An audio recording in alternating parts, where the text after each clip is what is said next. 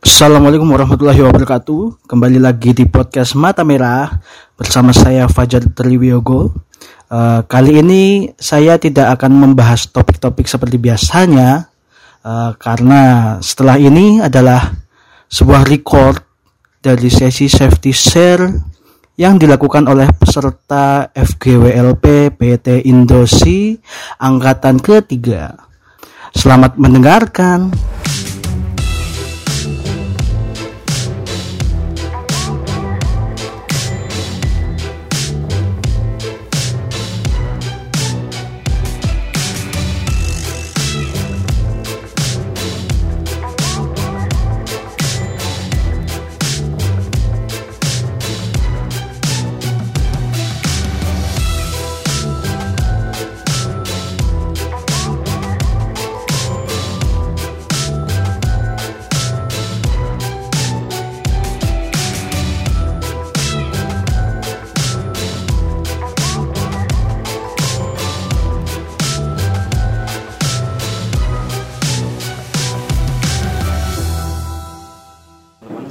Warahmatullahi wabarakatuh.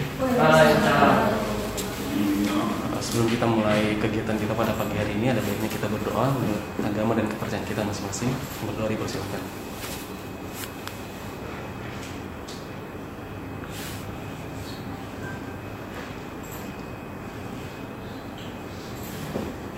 Selesai. Baik, eh, kali ini saya akan uh, share mengenai eh, mandi malam. Jadi eh, teman-teman ada yang suka mandi malam? Selalu, selalu. Ada Kevin, ada Bang Joshua. Siapa lagi? Ada lagi? Kadang-kadang. Nah, setelah mandi malam itu apa yang dirasakan? Dingin, segar. Segar, dingin. Oke. Nah, teman-teman pernah nggak merasakan kalau misalnya setelah mandi malam itu badan terasa kayak panas, kemudian ada nyeri mungkin? Tidak. Nggak ada. Tidak. Nah, oke, baik. Sekarang saya tanya, mitos atau fakta mandi malam itu berbahaya atau enggak? Mitos. Karena Fakta. Bahaya, bahaya. Bahaya. Apa? Oke, ya, jadi ada yang beranggapan mitos, ada yang beranggapan fakta. Jadi sebenarnya mandi malam itu mitos ya, berbahaya. Rematik. Nah, kalau misalnya mandi malam itu berakibat rematik, mitos atau fakta? Mitos. Mitos. Mitos ya. Mitos dari bocil. Jadi eh, bahwa mandi malam itu bisa menyebabkan rematik adalah eh, hoax ya. Jadi menurut ya, Hoax.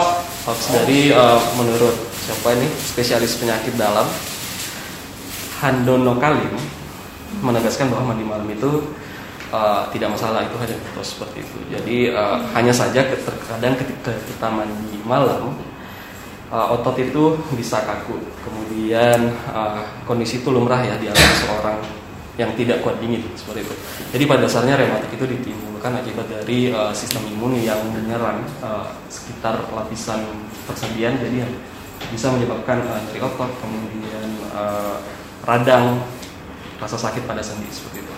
Kemudian mandi malam berakibat paru-paru basah mitos atau fakta? Mitos. Fakta basah. Ya, paru-paru basah. TBC. Hoax betul.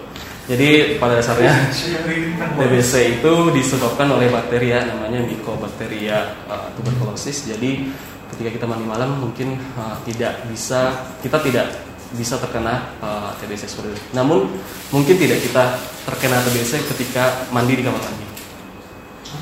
Apa? Kena TBC Ah. mandi kamar mandi. Ah, Bisa aja. Bisa aja. Karena ya, ada lagi? karena toilet umum Betul. Jadi uh, salah satu penyebab uh, terpaparnya kita terhadap TBC itu adalah sharing kamar mandi ya. Jadi mungkin kalau misalnya kita dalam satu kosan misalnya ada salah satu teman kita yang mengidap penyakit TBC. Jadi kemungkinan besar ya, batuk lagi terpapar dari situ ya. Oke, terus uh, mandi malam bisa masuk angin itu satu fakta. Semuanya jangan harus mandi. enggak enggak enggak Mitos.